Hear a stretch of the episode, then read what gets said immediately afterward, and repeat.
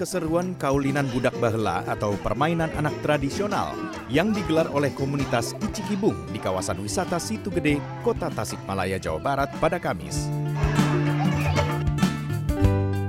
Puluhan siswa taman kanak-kanak dan sekolah dasar di kota Tasikmalaya antusias mengikuti berbagai permainan yang biasa dimainkan anak-anak tempo dulu.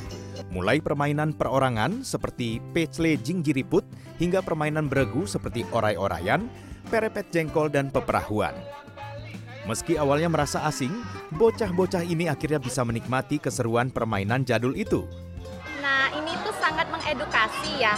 Karena kan anak-anak zaman sekarang itu mereka lebih dekat ke mainan gadget. Nah, kalau dengan adanya permainan ini mereka tuh lebih kebersamaan.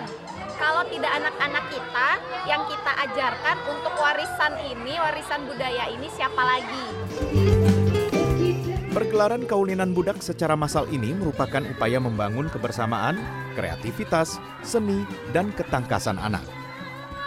Eh, kaulan tradisional ini bisa terus bertahan dan terus bisa diperkenalkan untuk anak-anak kita karena kaulan tradisional ini mengandung eh, nilai-nilai filosofis yang luar biasa.